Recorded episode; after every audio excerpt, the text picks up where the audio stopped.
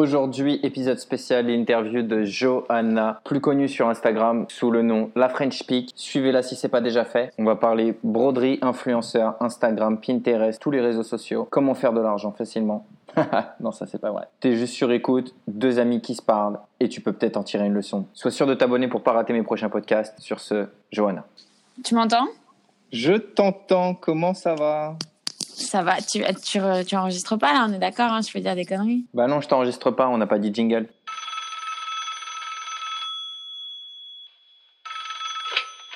Allô, c'est toi? Quitte pas, t'es sur écoute. Maybe you should pull the fucking trigger. Pull the trigger. Ain't nobody gonna do for you. Pull the trigger.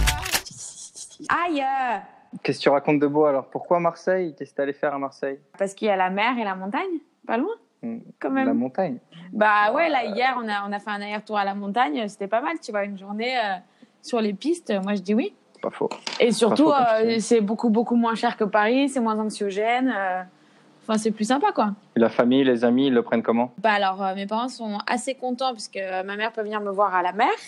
Et euh, mes amis, c'est un peu plus compliqué. Après, euh, tu sais, à Paris, on est tous un peu explosés au bout d'un moment. Donc, moi, j'ai ma meilleure pote qui est à Toulouse et une autre qui est à, une autre qui est à Paris. Donc, c'est un peu plus compliqué pour se voir. Mais c'est vrai que c'est, c'est pas facile d'arriver dans une ville où tu, tu connais personne et euh, t'as pas de repères. T'as des vendredis soirs où tu te dis, putain, c'est vrai que t'as envie de voir tes potes de temps en temps. Mais je suis pas partie toute seule. Hein. Je suis partie avec mon copain. donc, tout va Et bien. ton chien Et mon chien, exactement. Et ta boîte Et ma boîte, j'ai tout pris dans ma valise.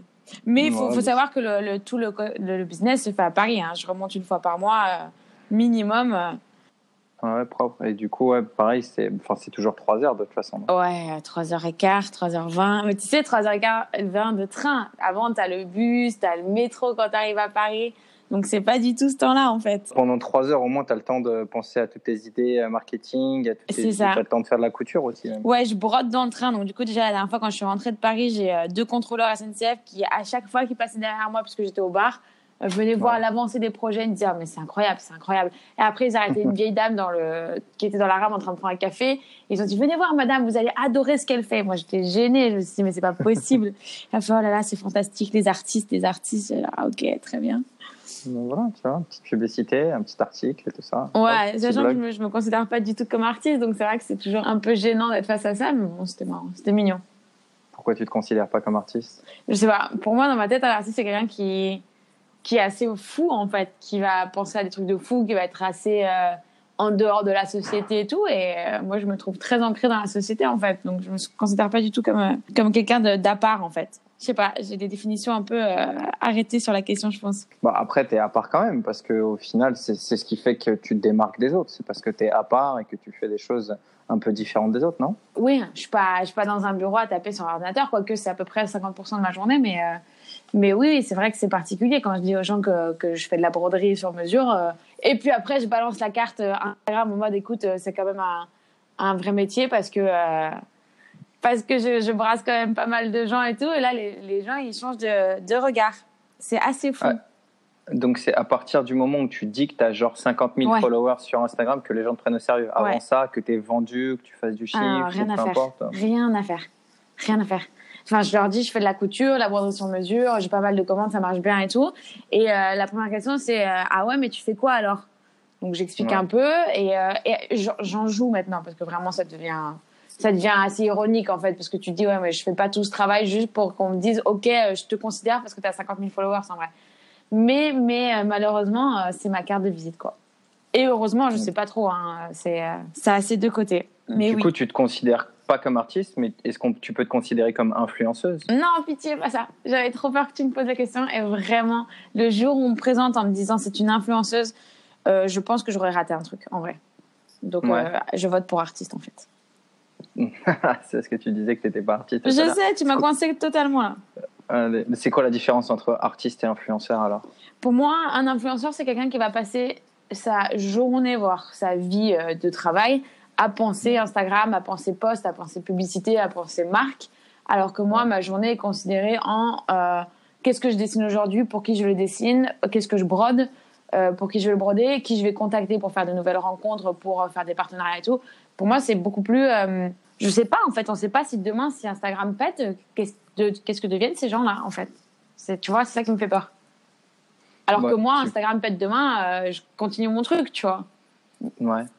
Mais J'espère. comment, comment Avec Facebook, avec une email list, avec euh, Ouais. les contacts sur ton téléphone avec, Alors euh, j'ai euh, pas mal tête? de avec ma tête déjà, ce serait bien. J'aimerais bien que ça pète pas ça. Euh, j'ai pas mal de contacts, enfin de, de réseaux via Facebook grâce aux publicités. J'ai pas mal de, de, de flux qui viennent de Pinterest. Voilà, c'est c'est quand même des petits trucs qui montent. Après, je suis sur pas mal d'applis de tu sais de rencontres entre professionnels. Moi, ça marche, je sais pas? Ouais, franchement, c'est cool. C'est pas ouf. Ça fait un peu le Tinder de la rencontre, c'est ce que j'expliquais hier avec un autre entrepreneur. Ça fait un peu la rencontre. euh, parfois, j'ai l'impression qu'il y a beaucoup de drague et j'aime pas du tout parce que moi, je je suis pas du tout là pour ça. Je suis là pour euh, pour faire Bah, pour le connaître but mon de, produit. C'est ça. à la base. ouais. Et en fait, parfois, j'ai des saluts, ça va. Donc, c'est un peu bizarre. Parfois, il faut savoir euh, jongler entre, euh, entre ce que les gens veulent et ce que toi, tu veux. Mais sinon, c'est assez intéressant. T'es pas dessus, toi? Non, non, non. Bah déjà, euh, je sais pas si ça fonctionnerait. euh, Ici Le fait que je sois, je suis à Phuket, ouais. Je Ouais. sais pas trop si ça marche. Mais justement, c'était un petit peu ce que je, ce que je ressentais entre guillemets, ou ce qu'on m'a fait ressentir avec euh, des applications comme LinkedIn, Ouais. où on me disait que LinkedIn ça cartonnait avant, et maintenant il y a plein de gens, notamment des femmes, qui, qui, qui essaient de de sortir de LinkedIn parce que même sur LinkedIn maintenant elles se font draguer parce que la photo de profil, ci et ça. Alors, je sais pas ce qu'elles mettent comme photo de profil, mais moi, personnellement, je me suis jamais fait draguer sur LinkedIn. hein. Non? Bah, je non. Je sais pas. Après, LinkedIn, c'est vraiment un réseau très intéressant. Je suis allée à plusieurs conférences sur Facebook, Instagram et tout. Et en fait, on Ouais. se rend pas compte, mais euh, le LinkedIn d'aujourd'hui, apparemment, c'est le Facebook d'il y a 6-7 ans. En termes Ouais. de, de posts, de reach et tout, euh, il paraît que c'est très intéressant. Bah, moi, je Mhm. vois que j'ai euh, mon ancien associé Thomas, il s'est mis à fond sur le euh, sur le euh, sur LinkedIn justement et il Ouais. fait un réseau. Il a réussi à lever euh, en 8 heures, je crois, il a levé euh, 50 000 euros parce qu'il est en train il est en train de créer un projet là d'une île qui s'appelle Reconnect. Ouais. Et, euh, et ouais, donc du coup, il a fait un post sur euh, Facebook et un post sur LinkedIn et un sur Medium, je crois. Et ouais, comme ça, il a, il a levé 50 000 euros en- entre 8 et 14 heures, je crois. Mais c'est un truc de fou. Mais ce mec-là, dès qu'il touche quelque chose, ça devient de l'argent. De... Enfin, c'est incroyable, non? Ouais. Oh, ouais. Bah, après, euh, pas, pas tout ce qui touche, mais, euh, mais c'est que il sait comment exploiter, je pense, comme tu as su exploiter Instagram et peut-être Pinterest. Com- comment, en fait, qu'est-ce qui a explosé le premier pour toi? C'est Pinterest, c'est Instagram? Non, non, alors moi, Pinterest, euh, littéralement, ça fait euh, deux, trois mois que je suis dessus, donc je commence à peine à appréhender le truc. Mhm. Mais euh, Instagram, je suis arrivée au pile au bon moment, en fait. Il y avait Ouais. personne sur ma niche. euh, Enfin, j'ai j'ai éclaté très vite. J'ai été en contact avec des Américains, donc ça, ça a été, euh, ça a été une aubaine. J'ai fait des box euh, françaises, 100% made in France, qui étaient envoyées à des riches Américains, donc ça, ça a été ouf, via Instagram. Et en fait, à la base, Instagram, ça marchait trop bien, tu vois. J'avais des gens qui s'abonnaient, mais ils voulaient pas d'abonnement en retour. Maintenant, euh, j'ai, euh, je perds, euh, je sais pas, 200, 300 personnes par jour et j'en gagne autant, tu vois. Donc ça, c'est hyper, hyper fou. Et je reçois beaucoup de messages qui disaient, mais pourquoi tu t'abonnes pas? Mais Ouais. en vrai, euh, moi, je suis pas là pour faire du like ou quoi. Genre, je suis là juste pour te montrer ce que je fais. Si tu aimes, tu suis. Et si t'aimes pas, bah, salut, en fait. Moi, j'ai Ouais. pas envie de voir ta vie, euh, tes potes. euh, Enfin, c'est sûrement très sympa, mais si je te connais pas, j'ai pas, enfin, tu vois, je vois pas l'intérêt, en fait. Ouais, bah, enfin, je reçois un peu ce genre de réponse, mais de mon cercle d'amis en fait. Quand je supprime, quand je supprime non. des gens sur Insta ou sur euh, ou sur Facebook, parce que bah, en fait, avant j'étais voyageur, après j'étais dropshipper, maintenant je suis euh, dans le développement personnel. Donc c'est vrai que j'ai- plein de gens. euh, J'avais 3000 amis sur Facebook, là j'ai Ouais, eu- tu eu peux pas. 750, 780, tout simplement parce que quand je poste des trucs, bah, il y a plus personne qui le voit parce que les, Ouais. les gens sont pas intéressés, parce que j'ai une masse de gens qui sont pas intéressés. Donc Facebook, il voit qu'il y a 10 personnes qui like, ça. mais, mais sur 3000, donc c'est pas beaucoup. Donc il va arrêter de montrer, alors qu'en fait, c'est juste qu'il montre pas aux bonnes personnes parce que j'ai trop d'amis, entre guillemets. Et c'est des amis Facebook, tu vois, ou c'est des amis Insta. J'ai envie de dire, j'ai ton numéro, euh, j'ai ton. Maintenant, on a Skype, euh, Facebook, Messenger, euh, Insta, WhatsApp, euh, Viber, euh, je sais pas, il y a, a a tous ces ouais. trucs-là et le numéro de téléphone. Donc, si je te tiens pas sur, euh, si je t'ai pas sur sur Insta, m'en veux pas. J'ai toujours ton numéro, on est toujours potes, mais c'est juste que bah, j'ai envie de voir d'autres gens. En fait, j'ai pas, tu vois, j'ai pas envie de voir ton que- chien, ton chat ou ton bébé. C'est ça. Non, mais le truc, il faut comprendre que Instagram, c'est un réseau pour s'afficher, se montrer. Donc toi, si t'as pas envie de voir euh, la bouffe que mange à midi à la cantine ton pote, je comprends, tu vois. Moi, je regarde Instagram comme un magazine. Je regarde Instagram comme je regardais elle quand j'avais 18-19 ans, tu vois. C'est je, je feuille, je regarde, je fais ça, c'est une belle photo, c'est un beau truc, ok, très bien. Mais euh, moi, ma meilleure pote qui mange des sushis euh, le lundi matin, euh, j'ai pas envie, tu vois, ça m'intéresse pas. Et euh, je pense que les gens ont une espèce de- d'ego surdimensionné en mode, mais attends, si je poste un truc et qu'elle a pas de like, c'est que je suis une merde. Mais non, enfin. Et puis le poste pas, merde, j'ai envie de dire. Enfin, Ouais. tu mets un vieux fil pourri qu'on n'a pas vu depuis depuis dix ans. euh, au bout d'un moment, euh, réfléchis aussi à ce que tu, à ton contenu, quoi. Je pense que c'est justement parce qu'ils n'ont pas un ego surdimensionné, qu'ils sont au contraire euh, en manque de confiance en eux Mais c'est et, possible. et qui sont en recherche de reconnaissance. Ils sont en C'est recherche de reconnaissance et c'est ce qu'on trouve en général. euh, Je pense que c'est ce que les réseaux sociaux ont, ont créé quand même, ce besoin de d'appréciation et de faire partie. Moi, je trouve ça assez horrible, tu vois. J'avais écrit un article qui s'appelait euh, Instagram, un réseau de pauvres, euh, un réseau de riches pour les pauvres. C'était le titre, c'est un peu méchant quand même euh, du truc. Et en fait, j'ai réalisé qu'en regardant Instagram, tu te sentais hyper mal. Tu te disais, mais putain, moi je fais des trucs trop stylés, mais quand je vois les photos des autres, je me dis qu'ils font des trucs encore plus stylés que moi. Et en fait, c'est pas vrai, c'est juste qu'ils mettent un filtre ou une photo beaucoup plus sympa, mais ça se trouve, ce qu'ils ont fait avant, après, c'était de la merde en fait. Et genre, pour exemple, vendredi soir, je suis allée à une soirée euh, d'un pote marseillais et tout.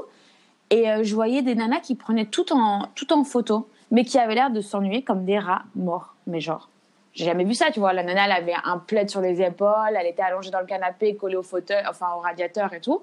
Je me dis, elle se fait trop chier. Je vais sur son Instagram, bam, 15 stories. Bam, bam, bam, bam, bam, super soirée, hashtag trop bien, hashtag ceci.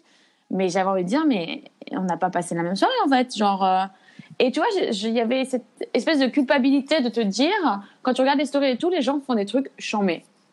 Mais Ouais. euh, c'est pas la vérité en vrai, je pense. Et ça, faut se mettre en tête. Voilà. Ouais, c'est dommage. ouais. Mais je dirais que j'ai passé une après-midi avec des influenceuses, en- Allez. des, des make-up artistes et, euh, en, en Indonésie. Donc il y en a une, elle avait euh, un peu moins que toi, je crois, elle avait dans les 40 ou 30 000, 40 000 followers. Mais l'autre, son, son amie, elle avait 380, je crois. 380 Aïe, aïe, 000 aïe. followers. Donc ça commence à peser un petit peu.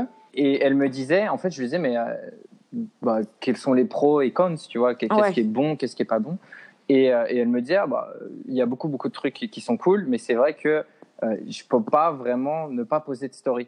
Parce que sinon, les gens, bah, déjà, disparais. arrêtent de me follow, voilà. Ouais. Euh, Il y a des gens, comme tu disais, qui vont dire pourquoi tu me follow pas, ou pourquoi tu me réponds pas, ou pourquoi tu poses pas de trucs. Et donc, ils, ils deviennent un peu prisonniers du fait qu'ils sont obligés de, de se montrer tout le temps, tu vois, comme C'est une... horrible, hein. c'est une prison, hein. En vrai. Mm. Et moi, je, je les appelle, euh, c'est horrible, hein, je suis un peu méchante, mais je les appelle les cintres. Parce que finalement, ces nanas-là qui posent tout le temps avec des frags et des trucs différents, c'est des cintres. Les marques leur envoient des produits, elles sont payées pour poser. Et je sais même pas si elles prennent du plaisir en plus à faire ça. Parce que c'est tellement redondant, euh, c'est tellement. Enfin, t'es es dépendant des marques en fait pour vivre. Alors que tu vois, quand t'as un boulot ou un truc, t'es dépendant de ton boss, mais quand même, tu peux donner ton avis. Enfin, ou je sais pas. Y, il y a un rapport assez pervers, je trouve, dans le, le truc d'Instagram. Mais néanmoins, je dois dire, moi, ça m'aide beaucoup, beaucoup dans mon travail. Énormément. Mais ce qui est marrant, c'est que quand on s'était vu il y a deux ans et demi, Ouais. euh, t'é- t'étais un petit peu, t'hésitais en fait à, à vraiment te lancer totalement euh, dans ta marque, ou tu, tu voulais retourner, je crois, faut tu t'allais t'allais euh, choper un job ou un truc comme ça. Ouais, exact. Alors non, mais ça, ça en fait, j'ai pris la décision de, de vraiment lancer la French Peak à 100% en, euh, je dirais, euh, euh, mars dernier, avril dernier, enfin 2018. En avril Ouais. 2018. Alors, je suis rentrée de voyage, je suis partie au Cambodge pendant un moment et je suis rentrée en disant vraiment, je sais pas si je dois continuer ou pas. J'arrivais pas du tout à gagner ma vie là-dessus. Euh, c'était très, très compliqué. J'étais chez mes parents. Enfin, vraiment, c'était compliqué et je, je voyais pas l'avenir en fait. Et là, je sais pas, du jour au lendemain, il y a eu un déclic. J'ai commencé à gagner un peu de sous, mais alors je sais pas comment. Et euh, donc, du coup, c'est reparti. Là, je me suis dit, vas-y, je fonce, euh, j'y vais et euh, je, je me laisse deux ans. Et si ça marche pas, j'arrête et je reprends. J'étais dans la prod audiovisuelle et je repars. euh, voilà, j'irai faire des tournages et des trucs comme ça. Et incroyable, en effet. euh, et ça fait maintenant, je dirais pas un an que ça fonctionne, mais ça fait 8-9 mois que je suis contente. Genre, satisfaite et que je regrette pas mes choix. Mais parce qu'avant, en plus, je crois que enfin, tes parents te mettaient quand même un peu la pression de qu'il fallait que tu bosses ou qu'il fallait que tu fasses un truc. Tu pas Alors, spécialement ouais. le- Et c'était pas le la pression support, parce ouais. que euh, ils m'ont jamais demandé un enfin tu sais ils m'ont jamais demandé un loyer ou quoi parce que je vais chez eux ils étaient très heureux que je sois chez eux mais j'avais tout le temps la question de euh, alors t'as vendu quoi aujourd'hui? Alors t'as fait quoi aujourd'hui? Comme si je passais ma journée tu vois à regarder la télé à zapper et me dire bon qu'est-ce que je vais faire? Et c'était assez euh, assez euh, dévalorisant par rapport à ce que je fais maintenant ils sont très fiers hein. ils voient que ça cartonne Euh, là je suis passée sur France 2 euh, mardi dernier euh, ils étaient très Allez. contents ah, c'était un petit truc hein, ça a duré une minute et tout mais euh, Ah, tu vois, euh, Ouais, ils mal. sont, ils sont contents. Donc, et puis, je fais partie de la maison, je paye mon loyer maintenant. Donc, ouais, il y, a une- il y a une satisfaction, tu vois. Mais ça met du temps. Et comme ma mère me disait, un job, enfin, quand tu lances ton entreprise, c'est trois ans. Et au bout de trois ans, tu peux faire ton bilan. Je, je me disais, mais non, c'est trop long, c'est pas possible. Et en fait, c'est trois ans. hein. Enfin, moi, j'ai mis trois ans. Toi, t'as pas mis trois ans, je sais, j'ai entendu ton parcours plusieurs fois. Mais pour les petits, euh, petits ateliers ça comme pas, ça. euh, ça aura pas duré aussi longtemps que, que toi non plus, parce qu'au final, moi, ça, ça aura duré cinq mois. Après, on, on a voulu s'arrêter. Mais si tu veux, en fait, c'est au bout des trois ans, je pense, c'est si tu perdures ou si tu te retombes dans l'anonymat et qu'il faut recommencer à zéro. Je pense que c'est surtout ça. ouais, Si tu as vrai. réussi le, le cap des trois ans, tu devrais être là dans 4, 5, 6 ans. Tu vois. Je pense. Tu sais, c'est comme euh, quand on dit l'amour dure trois ans, euh, le job Ouais. dure trois ans et tu vois après si ça continue ou pas. C'est un peu ça finalement. C'est une histoire d'amour, je pense. Et du coup, toi qui, qui as ces petits soucis avec Instagram, ou en tout cas cette vision as- assez euh, négative d'Instagram, est-ce que tu t'y vois rester pendant, je sais pas, dans 3 ans, 5 ans, tu te revois encore à la French Peak, toujours à poster des photos sur Insta pour avoir des clients? Alors c'est marrant parce qu'en fait, je pense que Instagram, je vois pas ça négatif, mais je vois plus ça comme euh, comme une, une angoisse, à vrai dire. À chaque fois que je suis allée, je suis allée au siège Facebook là il y a, il y a quelques semaines euh, à Paris euh, pour discuter un peu, et euh, la première question que j'ai posée c'était euh, quel est l'avenir d'Instagram? Genre qu'est-ce qui va remplacer Instagram? Parce que euh, Facebook, ok, ça existe encore, mais qui poste encore des trucs sur Facebook en vrai? Enfin, perso, euh, moi, je poste une photo par mois, je pense, sur mon profil, tu vois. Alors qu'avant, c'était tous les jours, tous les jours, tous les jours, tous les jours. Donc, c'était mon angoisse en disant, mais si, euh, si Instagram disparaît demain, c'est quoi la relève? Et euh, est-ce que je me vois dans 5-6 ans poster sur Instagram? Je sais pas, je peux pas dire. Déjà, dans un an, je sais pas, je sais pas où ça sera, mais apparemment, d'après ce que j'ai entendu, c'est pas prêt de s'arrêter. hein. Non, mais je pense pas. hein. En soi, de toute façon, ils, développent toujours des nouveaux trucs. Ils sont en train d'absorber tout le marché Snapchat et Snapchat Ouais. est pas en train de mourir. Parce qu'en fait, je crois que Zuckerberg avait fait une offre à, euh, au mec de Snapchat en lui disant bah, Je veux ton truc. Et Snapchat lui avait dit euh, Même pas en rêve, tu peux me proposer tout l'argent du monde. Et donc, Zuckerberg lui a dit bah, Je vais te détruire. Donc, euh, il lui a piqué tous ses filtres, euh, tous les trucs. Maintenant, tu as super zoom et tout ça sur Insta. C'est vrai. Tu peux tout faire. J'ai envie de te dire oui et non pour Facebook qui est en train de mourir parce que. je vois par exemple quand on a fait la Ecom Villa, nous, Oui. en 2018, 2017, pardon, août 2017, on a utilisé un mec qui était sur euh, Facebook, qui avait un groupe, euh, qui avait 22 000 personnes à l'époque. Ouais. Et on a dit, bah, ce mec-là viendra à la, euh, à la Ecom Villa. En même pas une semaine, on avait booké la, la villa, donc on a eu 30 Ouais. personnes qui sont venues. Et maintenant, ce mec-là a genre 75 000, 80 000 personnes sur son groupe Incroyable. Facebook. donc, euh, Je, je, je veux revenir sur ce que j'ai dit. En effet, tu as raison. Euh, Facebook, les gens sont tout le temps connectés. Genre, euh, moi, je me connecte euh, plusieurs fois par jour. Mon copain se connecte plusieurs fois par jour. Euh, C'est limite devenu, tu sais, euh, tu te rends même pas compte. c'est la vois. routine, ouais. C'est ça. Ouais. Tu te rends pas compte. Mais alors, on est actif sur Facebook, mais en même temps passif parce que moi, je poste rien, mais je regarde tout le temps les événements, euh, les soirées, les anniversaires des potes. Mais en effet, s'il y a des événements et tout, je vais répondre, mais je posterai rien moi personnellement. Donc c'est- Ouais. c'est devenu assez bien. C'est comme un, un magazine d'information en fait. Voilà, c'est ça. Mais je pense que c'est ce qui se passe, c'est que petit à petit, tous ceux qui. Enfin, c'est peut-être même déjà tard, tu vois, le fait que toi, tu sois déjà sur Instagram, tu as déjà un truc en avance, et sur Pinterest, donc en plus, euh, Facebook, Pinterest, Instagram, tu, tu diversifies. Mais c'est que euh, les, les gens qui sont encore faire de la pub sur la télé, euh, ils, ils sont, ils sont has-been. Parce Ah que mais ils sont tellement has-been. quand tu regardes la télé et qu'il y a une pub, bah, tu te mets direct sur ton téléphone. C'est ça. Et maintenant, tu fais de la pub sur Facebook, bah, tu es presque ça. parce que bah, les gens ils savent qu'il y a tellement de pubs sur Facebook, donc ça. ils vont sur Instagram. Et là, c'est le truc de l'influenceur, justement. Alors le truc c'est que moi j'ai reçu un message d'un pote l'autre jour qui me disait euh, moi je vais plus sur Instagram, il y a trop de pubs. Et c'est vrai Ouais. qu'il y a de plus en plus de pubs sur Instagram, c'est un truc de faux. Et pour revenir à ce que tu disais sur le truc de Hasbin, moi j'ai été contactée par Voici, Gala. euh, et attends, Ouais. les mecs, ils font. Alors moi, ils savent que je suis un atelier euh, minuscule, hein, je brasse pas euh, HM et tout. Et ils m'appellent, ils me disent, les tous, ils m'ont tous fait le même, coup. Je balance, hein, désolé, je balance. Mais j'en peux plus de recevoir ce genre de messages. Alors, euh, nous sommes super fans de votre marque, c'est incroyable ce que vous faites. Euh, en plus, les petits ateliers, on a trop envie de les encourager, blablabla, et blablabla, très bien. Et là, ils m'appellent et me disent voilà ce qu'on vous propose, un super reportage d'un quart de page dans notre truc. euh, mais c'est ouf, c'est lu par 3 millions de personnes. Moi, personnellement, dans mon entourage, je connais personne qui lit encore euh, Gala, Voici et Elle en papier, à part l'été sur la plage, tu vois. Et Ou ils me disent, euh, ouais, ou chez le docteur, c'est ça. Mais tu sais, les magazines, ils sont de 2017 en général. Et même sur le- chez le docteur, tu, tu regardes ton téléphone en vrai. Et donc, euh, ils me disent, on vous fait une super offre et tout. Promis, c'est pas 20 000 euros le quart de page dans notre publication et tout. Euh, on vous fait un super prix et tout. Euh, on vous fait 3 000 euros le quart de page. Ah, mais c'est à toi qui dois payer en plus Mais c'est moi qui dois payer. C'est eux qui me contactent. C'est moi qui dois payer. Et ils m'ont tous fait ça. Les trois, les trois, le trio gagnant, ils m'ont tous fait ça. On va faire un spécial broderie, machin. Et donc, j'aurais répondu, j'ai dit, mais attendez, 3000 euros et vous me faites une offre. Et me dit, oui, euh, et puis ça, c'est hors taxe. J'ai dit, ah ouais, ouais, laisse tomber. Moi, en plus, je suis auto-entrepreneur, donc euh, hors taxe, pas taxe, c'est la même chose, tu vois. Enfin, je paye beaucoup plus. Donc, je disais, Ouais. genre, mais, mais c'est pas possible, en fait. Enfin, c'est comme si moi, j'allais démarcher une marque en disant, je te veux trop sur mon site, je te fais payer 50 000 euros euh, la publication. Mais mec, si je te démarche, c'est que je te veux. Enfin, Ouais, après, tu, tu peux payer, euh, tu, ouais, je sais pas, c'est- tu, tu payes euh, la visibilité, mais aujourd'hui, toi, je pense que, au contraire, c'est plus un intérêt que toi, tu sois chez eux que eux, mais oui. eux- c'est eux chez sûr. C'est sûr. Et donc j'aurais dit, mais une fois j'ai répondu à une de ces marques, et j'ai dit, mais je pense que vous n'avez pas compris euh, l'impact que euh, les marques ou les influenceurs ont sur les réseaux sociaux en fait. Et j'ai Ouais. pas eu de réponse. J'ai dit, bon, moi j'ai dû le vexer. Donc, tu t'es considéré comme une marque ou un influenceur? Bah, du coup, j'ai mis les deux. Tu sais, parfois, c'est un peu vicieux. Je t'ai dit, parfois, je mets ça en avant et l'autre, euh, pas en avant, tu vois. C'est un peu vicieux. Je suis désolée, je joue avec ça aussi. Je dois avouer. Mais tu penses donc que pour toi, c'est plus intéressant, peut-être parce que c'est la mode, que Instagram est, est plus puissant que, que Facebook? Ouais, Instagram, c'est d'une puissance absolue, absolue, absolue. Maintenant, en soirée, tu, euh, tu te fais aborder et on te dit, euh, attends, euh, je t'ajoute sur Instagram. J'ai eu ça, hein, Mm. on est sorti plusieurs fois et j'ai eu, euh, bah attends, je vais, je vais regarder ce que tu fais sur Instagram ou on reste en contact, je t'ajoute sur Instagram. Mais euh, il y a Ouais. deux ans, deux ans, tu pensais vraiment entendre ça en soirée?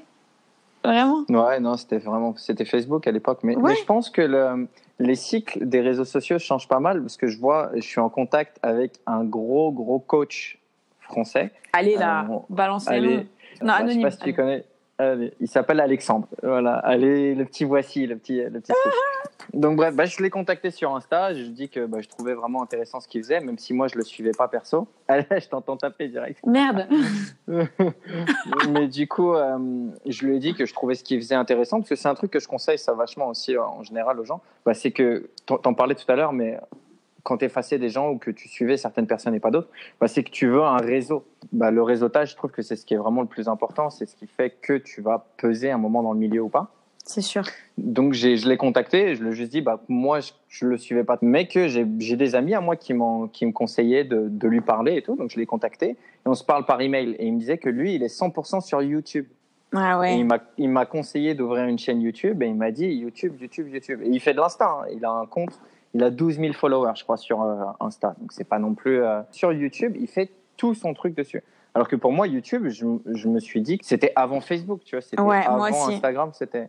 Bah, je crois qu'on n'a pas compris encore. ouais, je pense qu'il y, a, il y a un rewind euh, en effet sur, sur YouTube. Moi, je pensais pas, je comprenais pas la force de YouTube non plus. Pour moi, YouTube, c'est pour écouter des vidéos, euh, voir des trucs. Mais après, j'ai découvert en effet euh, tous les, euh, tous les influenceurs et tout. Mais putain, ils ont un nombre de vues. Mais waouh, c'est ouf. Je te jure, Et c'est en, ouf. et en plus, c'est la seule plateforme, plus ou moins, qui te rémunère. Enfin, Facebook, je crois, le fait aussi, si tu as des vues sur Facebook, mais qui te rémunère par le nombre de vues. Donc, tu te fais, tu vends ton produit en soi sur YouTube, mais en plus, tu te fais payer pour le nombre de vues. Alors que sur Instagram, je sais pas si tu te fais payer par Non, Instagram tu te fais pour avoir payer. 100 000 likes. Tu vois. Euh, non, et en plus, moi, c'est marrant parce que je pensais que c'était un mythe, euh, le, le fait d'être payé par YouTube. Non, Norman, il a fait une vidéo dessus, je crois. euh, Norman, Squeezie, tout ça là.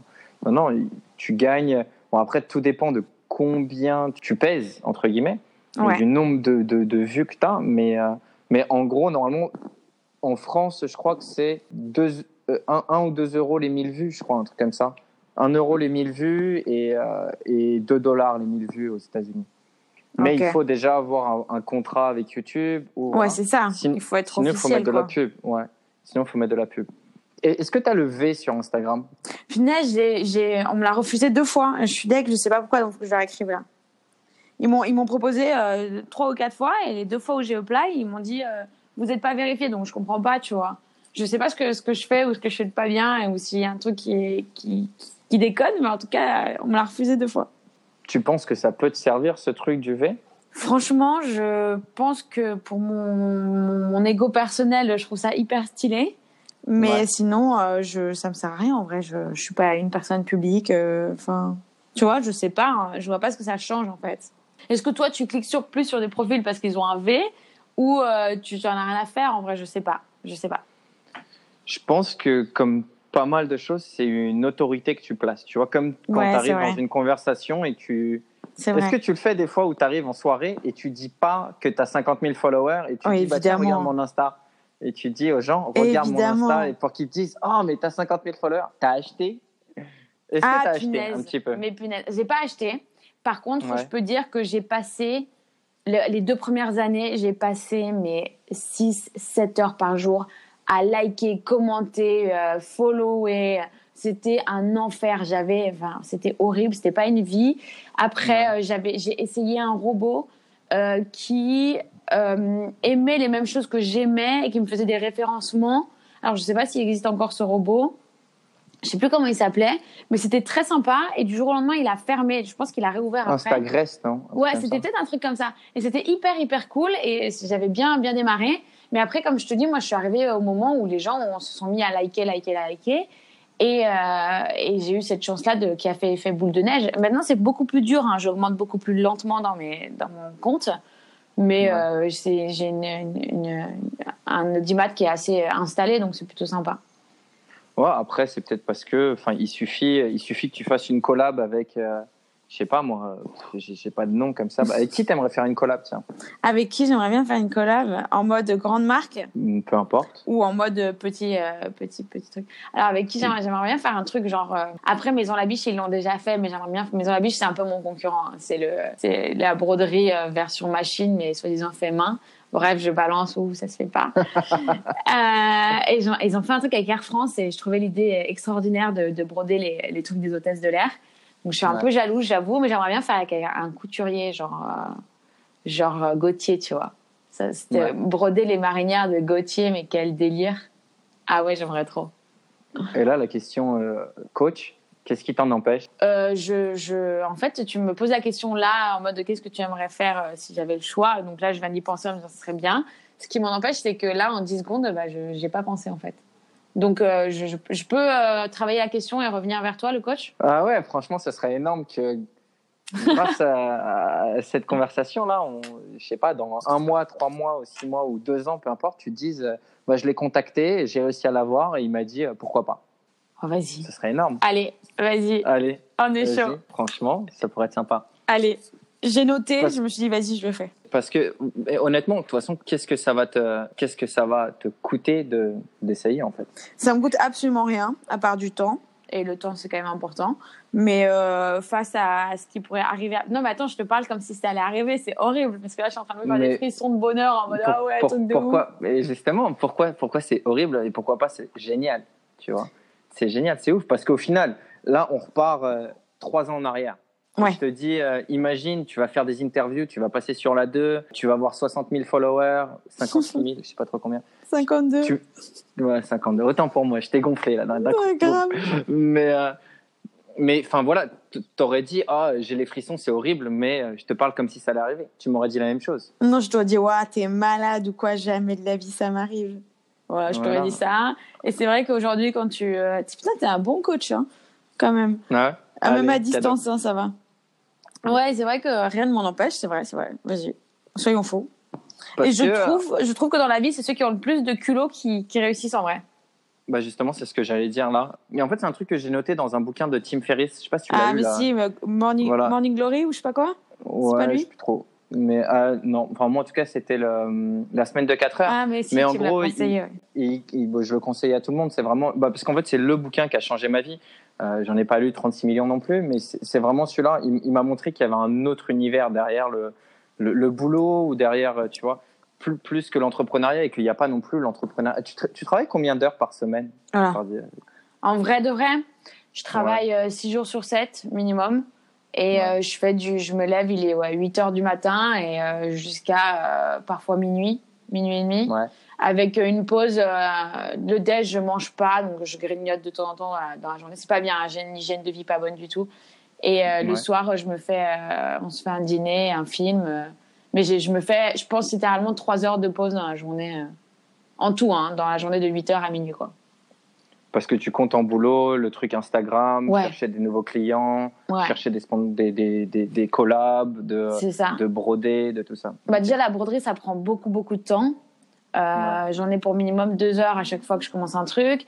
Euh, moi, je dessine, donc euh, quand je reçois une commande de quelqu'un qui me dit voilà, euh, j'ai deux chiens, deux fleurs, j'aimerais bien faire une broderie de ça, je dois lui proposer des dessins. Euh, Après, il faut que j'attende sa réponse et tout. Et mine de rien, j'ai quand même Instagram qui me rapporte un peu de sous maintenant et c'est ça qui me permet de faire de la publicité aussi. Donc j'ai j'ai ces marques qui me contactent en disant voilà, on aimerait bien faire une photo de ça, ça, ça et ça. Donc ça prend du temps d'organiser ça aussi. Donc ouais, en fait, euh, au final, la journée, euh, t'es assez euh, épuisé, t'as l'impression d'être dans une machine à laver. Et parfois, tu te dis, mais j'ai décidé d'être indépendant, mais t'as l'impression de pas être indépendant tant que ça, en fait. Tu vois ce que je veux dire? Bah, ouais, exactement, parce que c'est pour ça que j'ai décidé de coacher en fait. Bah ouais. Quand, quand, on a- quand on a fait l'Icom Villa, alors en, en fait on avait commencé un sujet, on a totalement zappé, mais bon. Euh, quand j'ai fait l'Icom Villa avec Thomas, j'ai vu plein d'entrepreneurs qui faisaient des chiffres énormes, et dont une euh, en particulier, je me souviens, Jenna, elle faisait un, elle gagnait à peu près 25 000 dollars par mois, je crois Mais c'est énorme. hein. de, de profit, hein, donc elle Ouais. gagnait. Mais en fait, elle trouvait que c'était pas assez parce qu'elle, avant, elle travaillait dans les mines avec son copain. Ok. Et, et donc, il gagnait à peu près ce même salaire-là. Euh, et je lui ai dit, mais tu te rends compte que maintenant, tu fais ça, tu peux bosser de n'importe où, tu Mm. peux l'enseigner à ton mec. Et en fait, elle, elle se disait juste, il faut que j'ouvre plus de magasins, il faut que je fasse plus de trucs. Et en fait, elle n'était pas heureuse parce qu'elle se disait toujours qu'il fallait, faut que je fasse plus, faut que je fasse plus, faut que je fasse plus, faut que je fasse plus. Et elle, elle avait juste perdu de vue qu'en fait, à la base, elle voulait juste gagner du temps, pas de l'argent. C'est ça, du temps, ouais. C'est vrai. Et donc, elle s'était mise dans l'entrepreneuriat en ligne pour avoir du temps, une flexibilité. Et au final, bah, tu, tu deviens un peu prisonnier de, de, Oui. de, de ce truc-là. Et Totalement. c'est là où je me suis dit, euh, tu te sens des fois prisonnière un petit peu de ta. Parce que c'est une passion. Donc, il y a plein de gens qui disent, ouais, mais c'est- quand c'est une passion, c'est pas vraiment un travail. Mais il y a des fois, enfin, ça fait chier quand même quand tu vois que tu as passé. euh, Enfin, que tu passes, je sais pas, 70 heures par semaine dessus, quoi. En vrai, euh, j'avoue que là, j'arrive un peu à saturation du, du projet. Pas dans le sens Mhm. euh, la French Peak et tout, mais là, je, genre, je, je sens que je suis épuisée. J'ai pas de vacances parce que moi, j'ai pas de congé payé. Donc, euh, dès que j'ai une commande, bah, faut que je la fasse parce que je peux pas dire euh, non à la personne. Et d'un côté, si j'ai pas de commande, j'angoisse, tu vois. Donc, t'es dans un engrenage, en fait. Tu dis, Ouais. euh, ok, ce mois, c'est le mois dernier, j'ai fait tant. Ce mois-ci, j'ai fait deux fois moins. C'est pas bon, comment je vais faire, comment je vais payer mes factures, comment ceci, comment je vais partir en vacances, si je peux me payer des vacances? Donc, t'es t'es dans une espèce d'engrenage hyper malsain. Mais je pense que t'as- tu dois passer par cette étape pour te, te poser et te dire, OK, maintenant, je sais ce que je veux, je sais ce que je vaux, je sais où je vais. Maintenant, qu'est-ce que je peux mettre en place pour que je sois bien dans ma tête, bien dans mon corps et que mon entreprise fonctionne? Mais Et Qu'est-ce que tu vas malheureusement, mettre en place alors bah, tu vois, là, là, je me suis inscrite dans un truc à Marseille euh, qui est euh, un truc de coworker. Donc, déjà, ça Ouais. me structure. Le matin, je vais là-bas et l'après-midi, je vais broder. Donc, bam, Ouais. déjà, la journée coupée en deux. Euh, j'aimerais bien recruter des brodeuses parce que là, je suis à saturation. J'aimerais bien avoir un partenaire ou, ou franchement, un- quelqu'un avec qui partager le projet, qui fasse plus le, côté, euh, le, la- le côté compta et, euh, et administration que moi, je supporte pas. Euh, non, mais c'est vrai, il faut se le dire, hein, c'est très compliqué de faire ça. En plus, en France, les réglementations sont hyper, hyper strictes. Donc, euh, les déclarations, la comptabilité, moi, je, je suis nulle, tu vois. Je, jamais été bonne, je dois le dire, je comprends rien, ça me fait peur. Enfin, je te jure, Tu peux ça pas juste emb- embaucher un comptable pour ça Juste un comptable. Si, je pourrais, euh, mais j'aimerais bien euh, me soulager de la partie communication, mailing et tout, et pour me créer, Ok. pour me enfin, consacrer que. Là, tu vas dire, ouais, t'es une artiste, alors pour me consacrer que à la création, en fait, parce que c'est ça qui m'intéresse. Non, mais je trouve ça totalement logique et justement, c'est ce que j'avais demandé. Mais en France, si toi, en plus, tu as une société, tu peux embaucher des stagiaires. Euh, moi, je sais que j'ai des potes qui, qui avaient encore leur société en France à l'époque. J'imagine, il y, a- il y a plusieurs questions en fait qui, qui filent dans ma tête. Donc, la, la première, c'était pourquoi pas, euh, vu que tu as un statut bah, de société quand même, de- de- d'entrepreneur, pourquoi pas avoir un stagiaire? Mes potes qui avaient leur société, ils embauchaient deux, trois stagiaires en. euh, bah, ils contactaient des influenceurs, euh, créer. euh, il y en avait un, c'était un web designer, donc il l'a embauché à temps plein après. Mais enfin voilà. Et l'autre, c'était est-ce que, vu que c'est la French Peak, elle doit rester une entreprise française ou se délocaliser pour justement avoir moins de charges euh, fiscales et moins de justement Alors, ce poids? Le truc, tu vois, des charges fiscales, ça rentre en compte. Alors, moi, déjà, je suis pas une société là, je suis en, en création de société cette année. Euh, J'étais auto-entrepreneur avant parce que je bossais encore sur des tournages pour pouvoir euh, avoir un peu plus de sous. Donc, du Ouais. coup, je faisais des factures comme ça. Et là, cette année, comme j'ai dépassé, euh, enfin, je, je, je suis dans une surcapacité, je, je vais passer en entreprise. Donc, je suis toujours en. Je sais même pas quelle, laquelle prendre, tu vois, je suis sur tous les sites pour savoir, comparer et tout. Donc, je peux pas, je peux prendre un stagiaire. J'en ai pris un euh, il, y a, il, y a, il y a un an, il y a deux ans, il y a deux ans. Et en fait, le truc, c'est que c'est trois mois si tu veux pas les payer. Et c'est horrible, hein, parce que j'ai envie de les payer et tout. Mais dès qu'ils commencent à rentrer dans le truc, bah, les trois mois sont passés, en fait. Donc, à chaque fois, Ouais. il faut reformer, réexpliquer. Donc, ouais, c'est vrai que euh, là, je suis à un, un bout, un moment de vie où il faut que je prenne des décisions. Donc, euh, tranquille, je vais les noter tranquillement et tout. Je prends mon temps pour pas m'angoisser quand même. Euh, mais, mais oui, il faut, là, il faut prendre des initiatives. Là. Il me faut un coach. et du coup la French Peak restera française donc Moi, je veux qu'elle reste française parce que tout se passe en ligne, donc il y a le shipping à prendre en compte. Et c'est vrai que si je pars, euh, moi, j'aimerais bien aller euh, outre-Atlantique, genre aux États-Unis ou quoi, ça va me coûter mais mille fois plus cher. Si je vais en France. Après, je peux développer, un, je peux développer toute un- une production américaine en vrai, hein, ça serait sympa aussi. ouais Voilà, tu, puis tu me mets tu des peux- idées en tête. voilà mais tu peux aussi avoir une société étrangère qui bosse en France c'est faisable aussi C'est vrai. C'est on vrai. parle du siège social en fait surtout Mais- Ouais. Enfin bref, là on parle fiscalité. Mais parce que c'est vrai que, enfin, moi en dropshipping, c'est ce qui m'a fait, et je vois mes potes, tous mes potes qui font euh, le million d'euros de chiffre d'affaires par mois. Premier, enfin, premier mois, deuxième mois, ils ont arrêté de compter, tu vois, ils se sont juste dit, euh, on part. Donc euh, Hong Kong, Singapour, Dubaï, tu, tu les cites, ils y sont. Ouais, c'est sûr. Mais, mais je trouve que ouais, en France, euh, même dans le coaching, il y a beaucoup de potes à moi qui sont dans le coaching, ou même ma coach euh, qui, est- qui avait créé une SASU. Ouais. Euh, et en fait, elle s'est retrouvée euh, malade.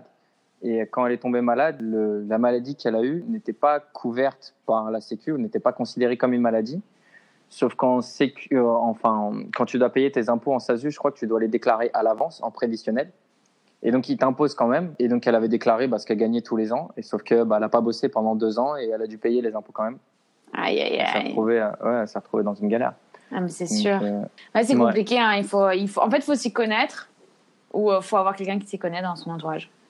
Ouais, bah, c'est ce que je conseille en général, ou moi, c'est ce qu'on avait fait. Dès que tu commences à avoir des mini rentrées d'argent, la plupart du temps, les gens se font des plaisirs. Tu vois, ils se disent Ah, j'ai bossé tellement d'heures, je me mérite un nouvel iPhone, je me mérite c'est des nouvelles tellement vacances, je me mets un nouveau sac à main, des nouvelles chaussures. Je sais pas. Ah non, tu dis ça. Moi, je, moi je, tu sais ce que je kiffe? Non, mais c'est ridicule en plus.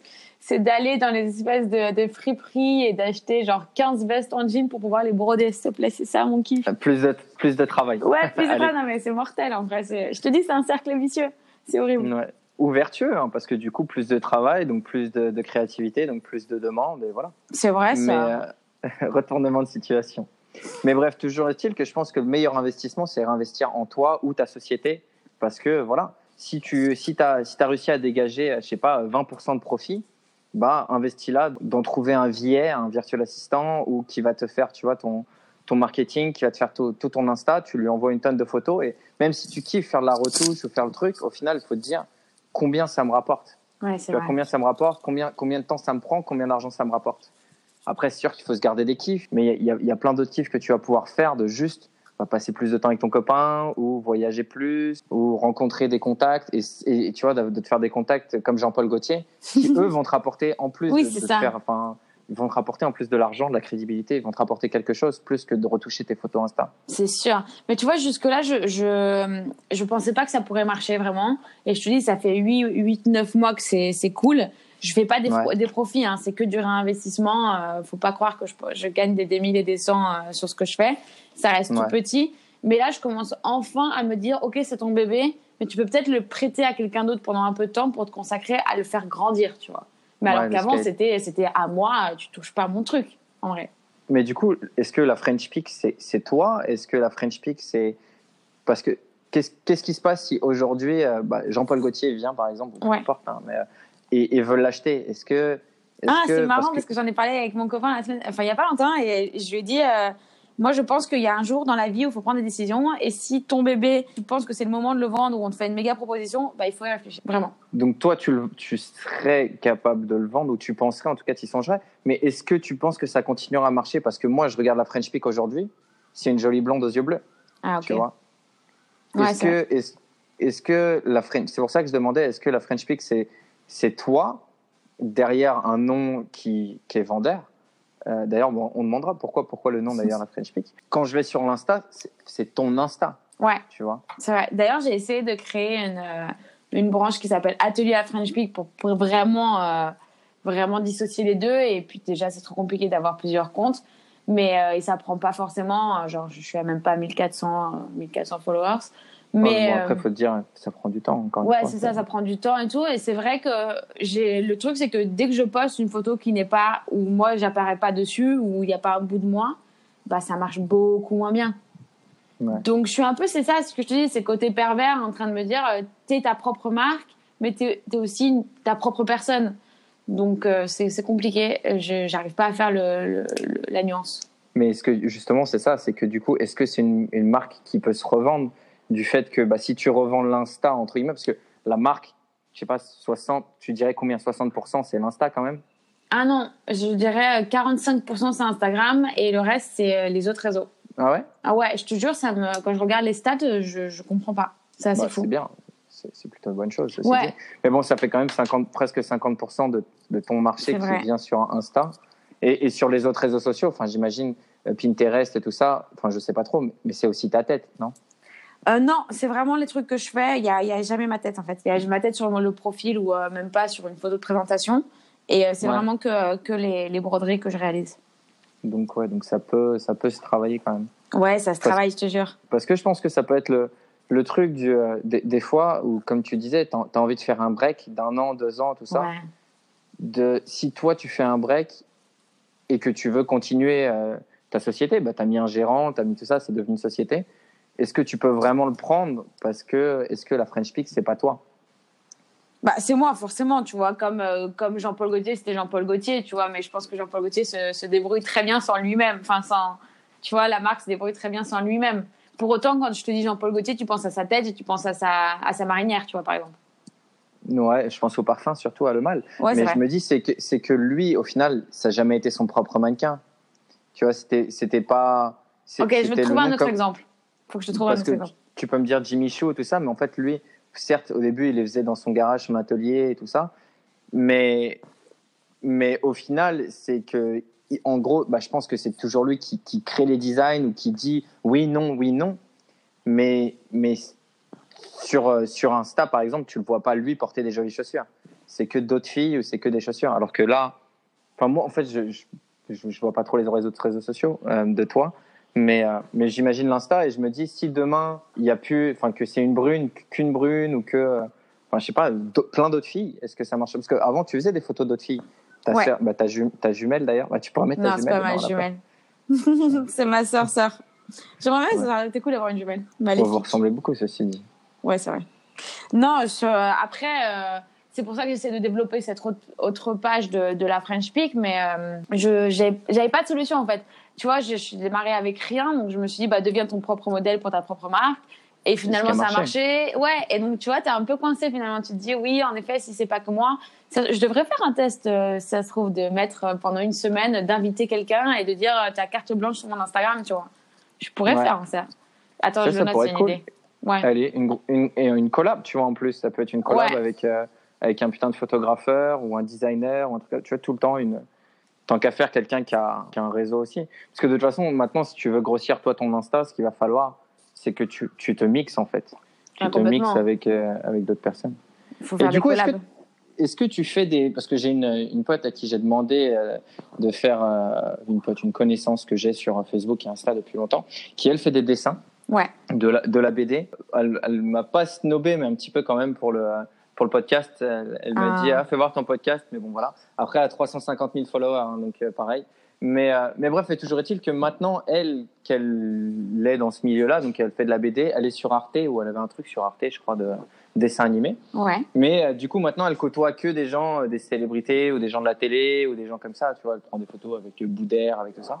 Est-ce que tu es devenu un peu comme ça toi aussi maintenant où Pas du tout. tu fais des soirées le samedi soir avec, Pas du tout. avec des Instagrammeurs, des influenceurs Et tu penses que ça te déjoue pas sur le long terme, sur la croissance euh, Insta? En vrai, je consacre tellement de temps à ce que je fais que j'ai pas envie de passer mes samedis soirs avec ces gens-là. Voilà, c'est Ouais. aussi méchant à dire, hein, peut-être, mais, euh, mais j'en Bah, pas ai vu quelques-uns. mais, euh, J'ai pas envie, tu vois. Je suis allée une fois ou deux à des soirées parce que c'était très très cool, à la patinoire, euh, tu sais, du Grand Palais et tout. Parce que j'étais invitée et qu'il y avait champagne et patinage, tu vois, dans le Grand Palais, tu fais pas ça tous les jours.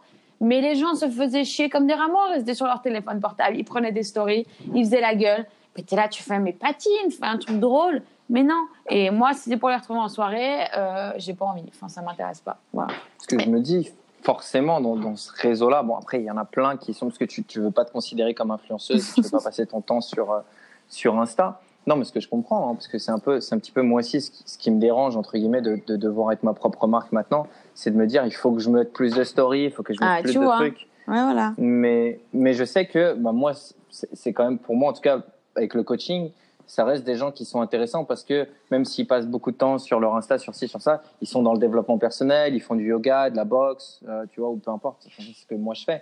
Mais il y en a un qui va bien faire une, la même chose ou un truc différent. Euh, hier, par exemple, je suis sorti et j'ai rencontré un mec qui est en train de développer une application euh, dans le médical ou je sais pas trop quoi, le- dans le domaine de la santé, sur, le, do- sur la crypto, euh, enfin sur la blockchain. Tu te dis, si, si tu fais pas ces rencontres, de, de, de traîner un peu avec des, des gens qui sont dans ton milieu, tu peux pas. Ah, c'est sûr, que- je loupe pas un truc. Hein. Ça, je le sais. hein. Je sais, je suis consciente de ça et tout. Après, je le vis très bien au jour d'aujourd'hui. Ouais. Après, je, je répète, je dis pas que ce sont des gens pas intéressants. hein. T'as dit. euh, Non, non, non, non. Donc, non, non. des Bah, après, ils, sont, ils le sont pas tous, hein, de toute façon. Comme euh, on n'est pas tous, tout, C'est tout le monde n'est pas intéressant. C'est pas parce qu'ils sont Instagrammeurs ou qu'ils sont euh, présidents ou qu'ils sont ci ou ça. Tout le monde n'est pas intéressant de toute façon à notre, à notre échelle, à notre point de vue. Ouais, à notre point de vue. Quelqu'un peut ne pas être intéressant pour moi et peut être intéressant pour toi. Ou, Bah là, ce qu'on va dire, ça va sûrement pas intéresser euh, beaucoup de gens, et pour autant, euh, il y en a d'autres que ça va intéresser. Voilà, c'est sûr, c'est le point de vue. Voilà. Mais du coup, enfin, moi, je suis quand même, je, je pars souvent du principe où euh, c'est une phrase que j'aime bien dire quand, quand je vais essayer de coacher quelqu'un ou que je pitch, et je dis, ensemble, euh, seul tu peux le faire, ensemble on va le faire. vrai. Parce que c'est sûr, tout, tout, tout, on peut toujours tout faire tout seul. Ouais. Mais quand, quand tu as du soutien, quand tu as de l'aide, tu vois, là, c'est ce que tu es en train de chercher un petit peu, de, de- un, un partenaire ou une partenaire ou euh, du soutien, ou même juste quelqu'un qui te comprend des fois. Ouais. Est-ce que, est-ce que ton, compa- ton, ton copain te comprend? Est-ce que Ouais. des fois il, il, il te suit, il, voit ce que tu veux dire ou... Parce que ça, ça peut être un peu difficile euh, de temps en temps. euh. Ah, pour le coup, franchement, c'est euh, assez ouf parce que euh, c'est une très bonne oreille, il m'écoute très bien. Et il a le côté. Moi, j'ai le côté un peu. Oh là là, l'oiseau qui vole, c'est très beau, la vie est belle et tout. Et lui, il a le côté très Ouais. terre à terre en me disant voilà, si tu dépenses tant pour faire une création comme ça, ça doit te rapporter tant. Si euh, tu parles avec cette personne-là, il faut que ça soit intéressant pour, pour ça, ça, ça, ça. Et il est très terre à terre et c'est un, un bon coach finalement aussi de, de vie personnelle. euh. Il me remet les pieds sur terre, vraiment. Donc j'ai vraiment de la chance, ouais. C'est pratique, c'est ça. Bah non, bah ouais, non, mais au final. Mais, et, et tu penses que sans lui, tu y arriverais toujours aussi bien? Non, j'y arriverai pas. Je serais partie. J'aurais abandonné. Ouais. Ouais, vraiment, vraiment, parce que euh, d'avoir quelqu'un tous les jours qui te soutient, qui te dit je suis fier de toi, c'est bien, euh, c'est vraiment incroyable ce que tu fais, machin. Bon, me- j'en des fleurs personnellement, mais On a toujours besoin un petit Ouais, c'est obligé en fait. On a tellement des métiers qui sont euh, qui sont précaires pour le coup parce que c'est vraiment précaire. Moi, je me casse la main demain, je travaille pas, tu vois. Ouais. Je suis allée au ski hier, euh, ils faisaient des bosses, et moi je me suis dit bah je vais pas aller sur les bosses quoi, parce que si je me pète le coude comme l'année dernière, euh, c'est un mois de travail, enfin d'arrêt de travail, donc euh, tu c'est très précaire malgré le fait que ça soit génial, parce qu'en effet, tu vois là, je peux aller dans un café, euh, je peux euh, aller promener mon chien, euh, tu vois, il y a- il y a- c'est très bien.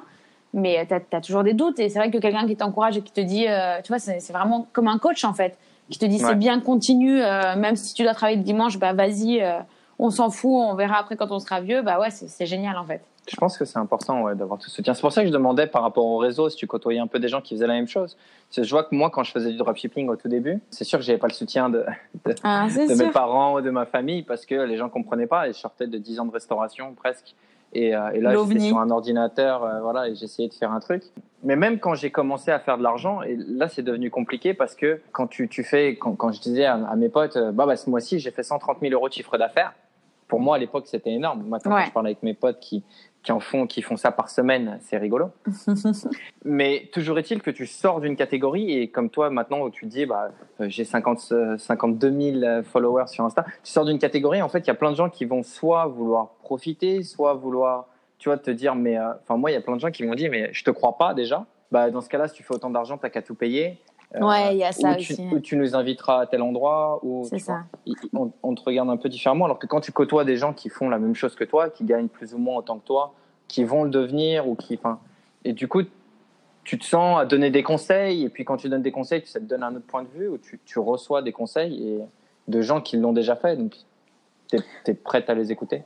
Bah, le truc, c'est que moi, je suis assez. euh, le, le- le plus gros problème, moi, quand je, je dis ce que je fais, ce que je montre, ce que je fais, c'est qu'on me dit euh, Ah putain, euh, 52 000 followers, tu dois être blindé. ouais Je, je vois pas le rapport, en fait. Enfin, c'est pas comme si les 50 000 personnes m'avaient donné un euro, tu vois. Moi. tu devrais essayer d'ailleurs Ouais, c'est très cool. Hein. Faudrait que je fasse un petit euh, Kiss Kiss Bang Bang ou un truc comme ça de, de, de co, euh, je sais plus comment on dit là, de, euh, de partnership. Là. Ouais, de crowdfunding, c'est ça. Et il faudrait, parce que j'ai besoin d'une levée de fonds et tout, ça serait vraiment, ça serait vraiment intéressant. Enfin, faut me- vraiment mettre dans la tête des personnes que le chiffre ne fait pas le revenu, en fait. Et même quand tu me dis, genre, euh, moi, je, je faisais 130 000 euros de, de ah, je sais pas si c'était des profits ou, ou tu vois, de, chiffre d'affaires, ouais. c'est parce que tu mets dans ta poche, en plus, tu vois. exactement Donc euh, il y a une grosse différence et malheureusement ça met des étiquettes comme tu disais. Et tu dois te prouver en fait, malgré ça, tu dois prouver aux gens que tu ne gagnes pas 100 000 euros par mois. Enfin moi en tout cas c'est mon cas, que je ne gagne pas des mille et des cents et que je ne suis pas euh, blindée à siroter mon, mon, mon spritz à 15 heures de l'après-midi, tu vois. C'est pas Ouais. vrai. Et euh, malheureusement c'est ce qu'on nous fait croire parce qu'il y a des gens type, euh, je sais pas moi, les anges de ta arrêté qui passent dans une émission et qui après ont un million de followers sur le réseau qui sont payés à. Enfin, c'est pourri, tu vois, c'est assez pourri. Surtout qu'ils euh, gagnent pas ils gagnent pas des milliers et des cents non plus hein. au final euh, Alors, je pense que maintenant, ils se mettent très bien parce qu'ils ont tous un million de followers sur Instagram et euh, malheureusement, les marques leur font confiance.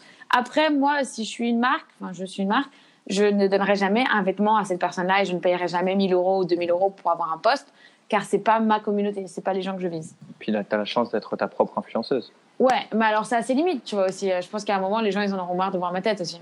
Oui, oui et non, parce qu'en fait, quand c'était vrai fan, enfin, je sais pas, voix de Johnny, tu vois, on pensait tous que les gens en avaient marre de voir sa tête. C'est vrai. euh, encore aujourd'hui, euh, je sais pas, t'allumes la télé ou t'allumes la radio, il va y avoir une chanson de Johnny, euh, il va y avoir un truc de Johnny à la télé. C'est obligé. Johnny est partout, c'est clair.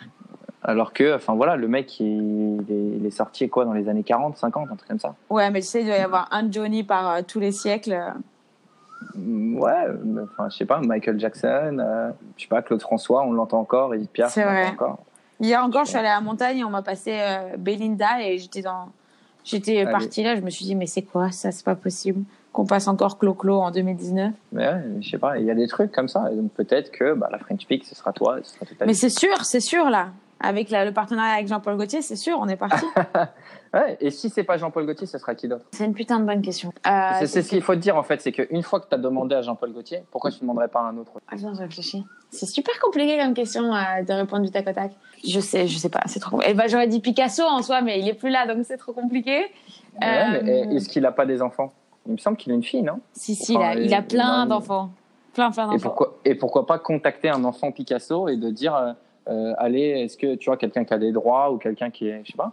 Ok, le coach, tu mets trop de pression là, trop de pression. Et ben justement, ça serait cool. On, on peut retourner sur le truc de, c'est les gens qui ont du culot qui réussissent, c'est ce que tu as dit tout à l'heure. Ouais. Et en fait, je parlais avec un gars euh, que j'ai rencontré ici dans un coworking space aussi. Ouais. Et en- euh, il, a, il investit énormément dans, euh, dans le développement perso. Il est allé une semaine, enfin c'est quatre jours, ça s'appelle la Warrior Week, je crois. Ça coûte 10 000 dollars pour quatre jours. Mais tu te fais coacher en fait par des anciens Navy Seals, euh, des, euh, des gars de la PNL. euh, Ah ouais, t'es mal quoi. ouais, Enfin voilà, ils te mettent la misère, ils te détruisent pour te reconstruire en fait. Oh, Et, c'est euh, horrible. et c'est lui qui me disait que en gros, il- il- de, de ce truc-là, il a commencé à se dire, il a appris à contacter des gens, tout simplement, et de leur raconter sa vie. Et donc, il a contacté des gens qui, sont, qui font 9-10 chiffres par, par an. Euh, donc, tu vois, ça commence à peser. Et il a contacté des champions olympiques, il a contacté des gens comme ça. Donc, les gens s'en foutent. Mais il continue, il leur envoie des messages, il leur raconte toute sa vie. Euh, genre aujourd'hui j'ai fait ça, aujourd'hui j'ai fait ça, et il leur explique pourquoi eux évidemment. hein. Mais euh, et c'est comme ça en fait que j'ai décidé d'accoster ce Alexandre et d'autres et d'autres coachs. Et en fait, bah, si j'avais jamais parlé avec ce mec-là et que j'avais pas tenté et que j'avais pas juste essayé de parler avec ce Alexandre, bah, il m'aurait jamais répondu parce que je l'aurais jamais fait. Mais je lui ai envoyé un message euh, et il m'a répondu, il m'a dit bah tu sais quoi, viens, on se parle par email.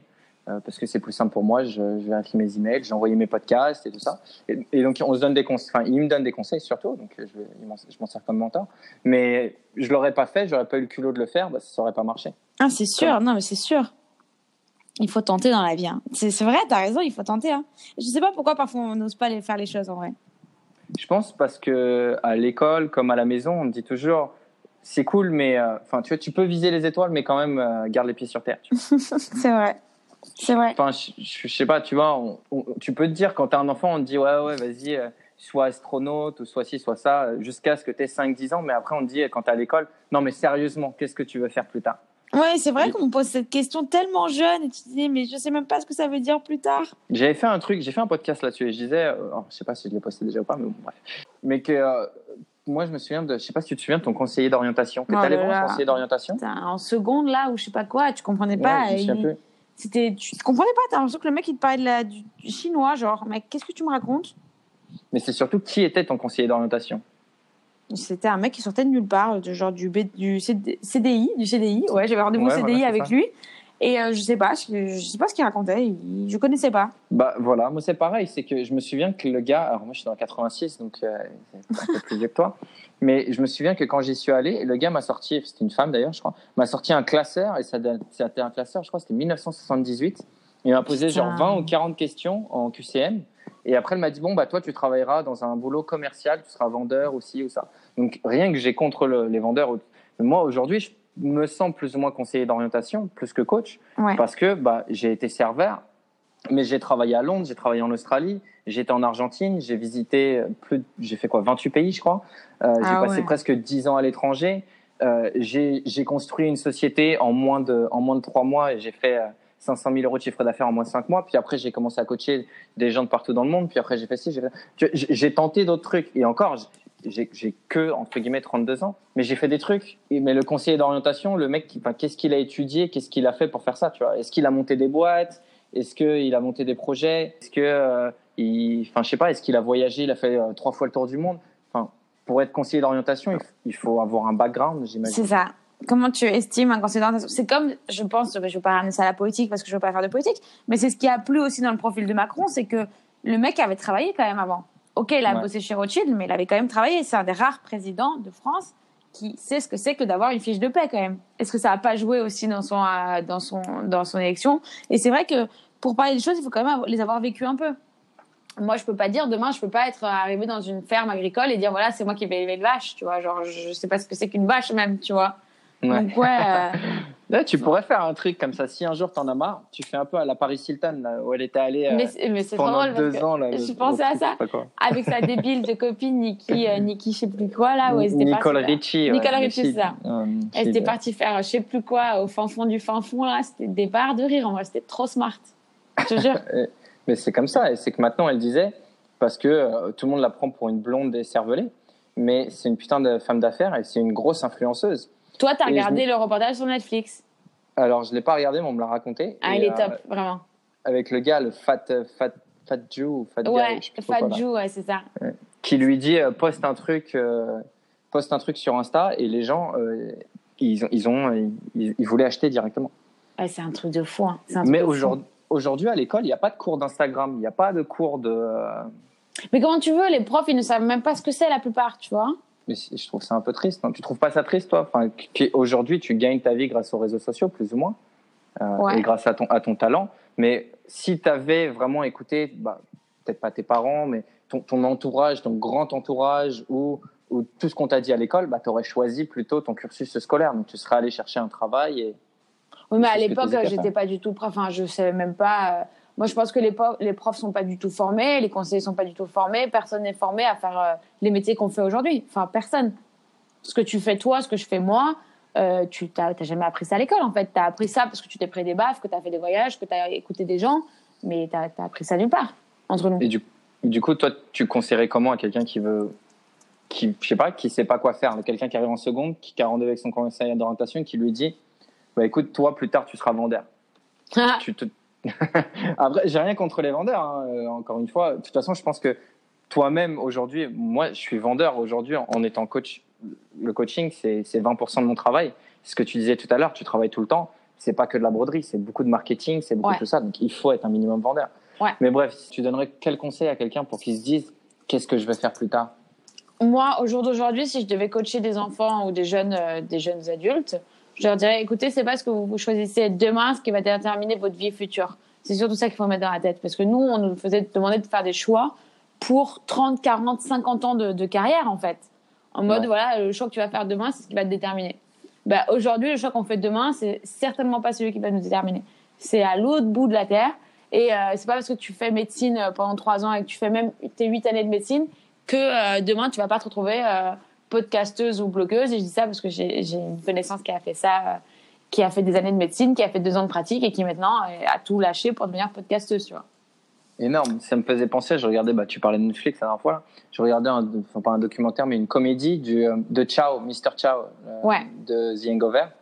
Et en fait, il était docteur pendant presque 8 ans. Et il en a eu marre, il a, il a fait plus ou moins un burn-out et il est allé faire une audition, et il a fait un truc. Et euh, il bossait en tant que docteur et il, et il faisait ses auditions euh, pour un film en même temps. Et après, il s'est dit, bah, tu sais quoi, j'en ai marre d'être docteur. Et il s'est lancé à fond dans le cinéma. Et il a fait The Hangover. Et maintenant, voilà, il est partout et tout le monde le connaît comme euh, Leslie Chow. Mais c'était un docteur. Et voilà. Je pense qu'aujourd'hui, il y a vraiment ce, ce truc de. Déjà, tu peux faire plusieurs boulots en même temps Ouais, c'est ça. avec, avec, avec la, digitalisation du, du monde. Mais c'est qu'en plus, ouais, tu, tu peux tellement te former vite. Et c'est pour ça, en fait, c'était un peu la question que je voulais te demander. C'est où est-ce que tu t'es formé Comment tu t'es formé Comment tu comment tu t'es décidé de, tu vois, de te dire, bah, je vais, ouais, Euh, moi, je me suis euh, décidée à rien. Ça, ça a suivi le cours. euh, ça a été très naturel. J'ai, enfin, vraiment, c'était comme si j'étais sur ma petite barque, sur mon petit ruisseau. Hop, je faisais, oh, ça c'est bien, ça c'est bien. Ok, on n'a qu'à faire ça. Euh, je me suis jamais dit que je ferais ça un jour dans ma vie. C'est ma sœur qui faisait de la couture avant. J'ai toujours cru qu'elle allait partir là-dedans. Bon, finalement, aller chez Chanel, c'est pas, c'est pas, c'est pas la même chose, mais c'est pas éloigné non plus. Mais euh, je, je, je me voyais pas du tout faire ça en vrai. Je- moi, je voulais faire des films en plus à, à la base. Donc, euh, aucun rapport, tu vois. Du coup, tu faisais, c'est toi qui faisais les, les photos, les vidéos, les clips de la French Peak. euh, Ouais. Mais, euh, mais après, je me suis dit, mais t'as pas de talent pour ça, t'es pas fait pour ça, arrête. Mais ça, tu sais, quand tu fais des trucs, t'as toujours envie de faire autre chose ou d'être meilleur dans un autre truc. Et finalement, t'as des trucs où t'es plus doué que d'autres, et là, euh, non, fallait pas. Enfin, stop. Ouais, c'était pas si mal, puisque c'est ce qui a fait que ça t'a lancé. C'est vrai, c'est vrai, c'est vrai. Vrai, faut rendre à César ce qui appartient à César. Mais maintenant, quand je les regarde, je fais, mais c'était pas possible de faire ça. C'est alors que c'était il y a pas si longtemps que ça, en fait. Et du coup, qui c'est qui prend tes photos? Mon retardateur, la plupart du temps, j'avoue. Ok. Bah ouais, parce que comme ça, je peux faire une broderie, sortir dans la rue, la prendre en photo et repartir. Voilà. Nice. C'est pas très Tu- bien, mais bon. Ça, ça te fait pas bizarre de te C'est horrible. un téléphone, euh, de horrible. voir des gens qui te regardent et tout. Mais Non, mais je suis obligée de choisir la rue la plus calme de la Terre, donc genre c'est un peu compliqué quand même. Euh, D'attendre 10 secondes, parce que le retardateur c'est 10 secondes, donc je suis là cachée dans un coin et quand je vois que c'est les dernières secondes, je sors. Non, c'est- horrible. C'est- J'aime pas du tout. C'est vrai fait, qu'on euh, est, mar- on est marrant quand même. On aime tous prendre nos photos, mais on, on est toujours un peu timide au niveau de la selfie. Ah ouais, euh. c'est ouf. Mais c'est pour ça que moi, ça m'impressionne, les soirées d'influenceurs ou tout. Ils se prennent en photo, ils se filment et tout. Et moi, je me dis, mais jamais de la vie, je pourrais faire un truc genre, salut les copains, alors aujourd'hui, il fait 12 degrés. Euh, Tu vois, je, je peux pas. Enfin, Ouais. c'est pas mon truc. Je critique pas parce que je, je trouve ça euh, assez honorable pour eux de le faire, d'avoir le courage de le faire. Moi, je pourrais jamais le faire. Impossible. Est-ce que tu rencontres tes followers? Euh, J'en ai rencontré plein, ouais. Enfin, pas mal. Enfin, je fais pas, tu sais, genre Caroline Receveur en mode euh, bienvenue, fait, euh, je vais signer mes livres. Mais euh, j'en ai rencontré pas mal euh, parce que euh, j'ai fait des collabs, parce que, euh, parce que je leur ai livré. Au début, je livrais euh, à Paris, je livrais souvent quand Ouais. c'était pas loin de chez moi, donc j'ai rencontré à ce moment-là. Et franchement, c'est assez cool en vrai. C'est assez cool, j'aime bien. T'as jamais pensé faire un truc ouais, où t'invites justement tous tes followers Non, il y à- a personne qui viendrait, arrête. Mais Qu'est-ce que t'en sais? Je sais pas, mais je pense. Moi, j'aurais Bah, jamais un tu truc. euh, dans, dans ta, dans ta story, mais ça dépend pourquoi. Mais je vois, par exemple, euh, c'était qui? C'était euh, Thibaut, Thibaut InShape, un mec euh, qui fait de la muscu là, sur YouTube. Ouais. Et il a, bon, il, il pèse quand même, mais il a quelques millions de followers sur YouTube. Ah ouais, c'est pas Mm. pareil. Non, mais toujours est-il que donc il, il les retrouve et il leur dit, on se retrouve au, euh, au stand de muscu. Tu sais, il y a le, il y a le salon de la muscu, euh, comme il y a le salon agricole, il y a le salon de la muscu Ouais. à Paris. Et, et c'est pas c'est pas le mec de muscu le plus. Enfin, tu regardes sa vidéo. Moi, je regardais, mais j'aimais bien regarder deux trois vidéos parce que j'aimais bien en fait la façon dont il parlait et la façon dont il montait ses vidéos, qui faisait que c'était très engageant. Je trouvais ça intéressant pour et ça me donne des idées. Mais donc du coup, c'est pas non plus le monsieur euh, muscle vraiment. Ouais. Il, il parle très peu de muscu d'ailleurs la plupart du temps. Il parle de tout de rien, mais il parle pas de muscu. Mais quand il a dit qu'il était au stand du salon de la muscu, c'est le mec qui a rameuté le plus de monde. Il a rameuté 90% des gens. De... Il y avait des gens qui étaient là, qui étaient des experts en, euh, en ci, en ça, en prot, euh, en salle de sport, euh, Gymshark, euh, tout ça, ils étaient là. C'est lui qui a ramené le plus de monde. Énorme. Donc, tu vois, je sais pas, tu fais une friperie ou tu fais un truc et tu dis, euh, écoutez, je sais pas, tu vois, pour, pour une association, par exemple, ou pour euh, un truc Jean-Paul Gaultier, tu dis, euh, bah, allez, venez, euh, venez tous avec moi, on va à l'Institut Gaultier ou je sais pas trop où, euh, tu vois, au bureau. Tous ceux qui veulent venir avec moi et qui veulent que je fasse une collab avec Jean-Paul Gaultier, euh, venez à telle heure. Et tu vois, peut-être, je sais pas, tu arrives à rameuter 10 personnes, 100 personnes, 1000 personnes. Ça, ça peut être marrant. T'es un artiste un peu, hein. Je suis créatif à ce qui paraît. Ouais, mais c'est clair. Je préfère donner les conseils que les faire. Ah, c'est plus facile. Hein. Non, c'est pas plus facile, on va donner les conseils. Parce qu'il faut quand même bien les orienter, selon la personne avec qui tu parles. Ouais, je, je suis assez caméléon, je pense que j'arrive à m'adapter assez facilement. Non, mais toujours est-il que, euh, parce que je pense qu'au final, comme tu disais, euh, c'est plus ou moins eux qui te font vivre. Et tu vois, tu disais, euh, un jour ou l'autre, euh, peut-être qu'ils arrêteront de te suivre aussi ça. Je pense que si tu leur donnes vraiment ce qu'ils veulent, et, et- et donc, de- entre guillemets, ce qu'ils veulent, c'est bah, de la qualité, c'est de voir ton sourire, c'est de voir que tu fais des produits euh, à la sueur de, de ton front, et, et voilà, tu vois. Ils continueront à être là, à te respecter. Et donc, si en plus, bah, tu les rencontres de temps en temps, je pense que tu, tu les fidélises encore plus. Ouais, Et là, possible. tu pourras leur demander, tu vois, en mode crowdfunding, tu leur dis, euh, bah, venez tous, euh, je sais pas, je vous offre. Tu fais un truc à 10 balles, par exemple, et tu leur offres un cadeau à 9 balles, et tu leur dis, le 1 balle qui reste, c'est pour crowdfunder un projet que tu veux faire qui est énorme, par exemple. Putain, vas-y, je te rappelle alors, quand j'ai une idée. Mais voilà, mais enfin, je sais pas, ça peut être, ça peut être de trucs. Et parce qu'en fait, ça m'a amené à l'autre question, c'est est-ce que quand tu retournes à Paris, parce que, bon, enfin, je sais pas, tes followers, ils sont de Paris la plupart ou... Non, non, vraiment pas. En plus, ils sont de partout en France. Euh, j'ai genre euh, 30% de Parisiens et le reste, c'est euh, France et étrangers. Ok. Ah, à l'étranger aussi. Ouais. Ah, mais oui, parce que j'ai vu que tu faisais français-anglais. D'ailleurs, Ouais. j'ai dem- je- je- j'allais te demander, euh, parce que ça prend deux fois plus de temps. J'hésite toujours. Moi, je tra- En fait, c'est pour ça que je fais le podcast en français, mais je vais faire mes vidéos YouTube en anglais pour essayer de garder. euh, Quand j'ai lancé le podcast en français, c'est là que j'ai vu que tous les Anglais commençaient à faire la gueule, euh, les anglo-saxons, les anglophones, Ouais. pardon. Parce qu'ils m'ont dit, ah, mais moi aussi, je vais écouter le podcast. Alors que quand je poste en anglais, bah, ils commandent pas trop, mais les Français non plus, parce qu'ils me disent, ouais, mais c'est pas en français. donc, euh, ouais, faire le, le double langue. Et donc, ma question, c'était, est-ce que des fois, tu te balades dans la rue et il y a des gens qui disent, ah, mais t'es pas la meuf de la French Speak Ouais, attends, euh, je pèse pas à ce point-là dans le game. Ça m'est arrivé une fois, j'étais trop gênée, mais trop cool. Mais non, Ouais. non, ouais, ça, ça arrive pas souvent, ça. Ça peut être juste. euh, Ouais, non, mais ça arrive pas souvent, mais ça arrive, c'est marrant. Pourquoi Tu- en disant, eh, eh, euh, tu Une, une fois, tu rigoles, une fois, en fait, c'est pas comme ça. J'étais à une, euh, à une réunion euh, d'un gars qui s'appelait JT Fox, enfin, je sais pas, c'était un meeting comme ça. Et euh, on parlait, tout d'un coup, il y avait un, un groupe de, de 4-5 jeunes qui étaient autour de moi parce que j'avais raconté mon histoire sur le dropshipping.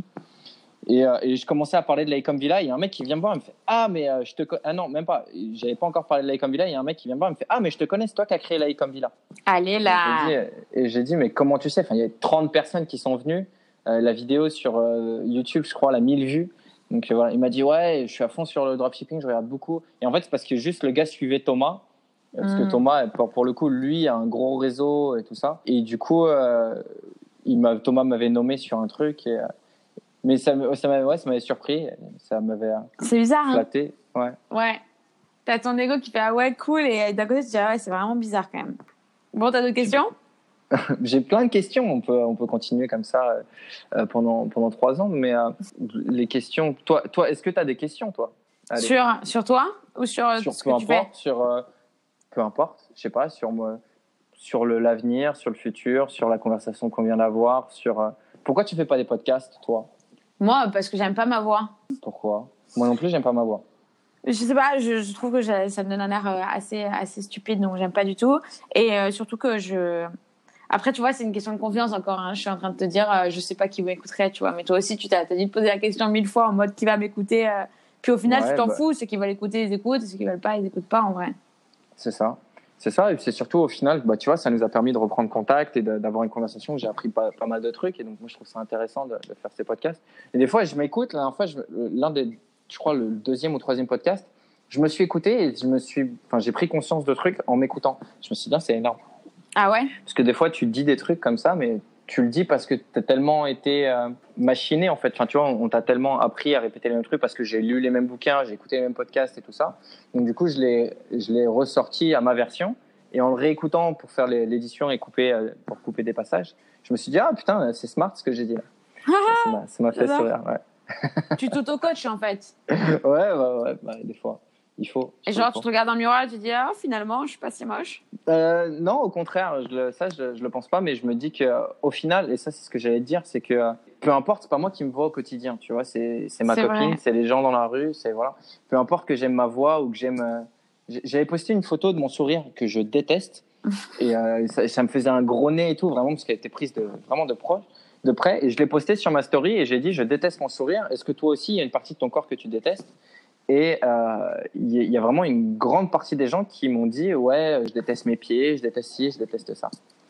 Mais au, au final j'ai l'impression qu'on est plus dur avec nous-mêmes qu'on Ah, on est super dur, hein. qu'on mais- l'est avec, avec les autres.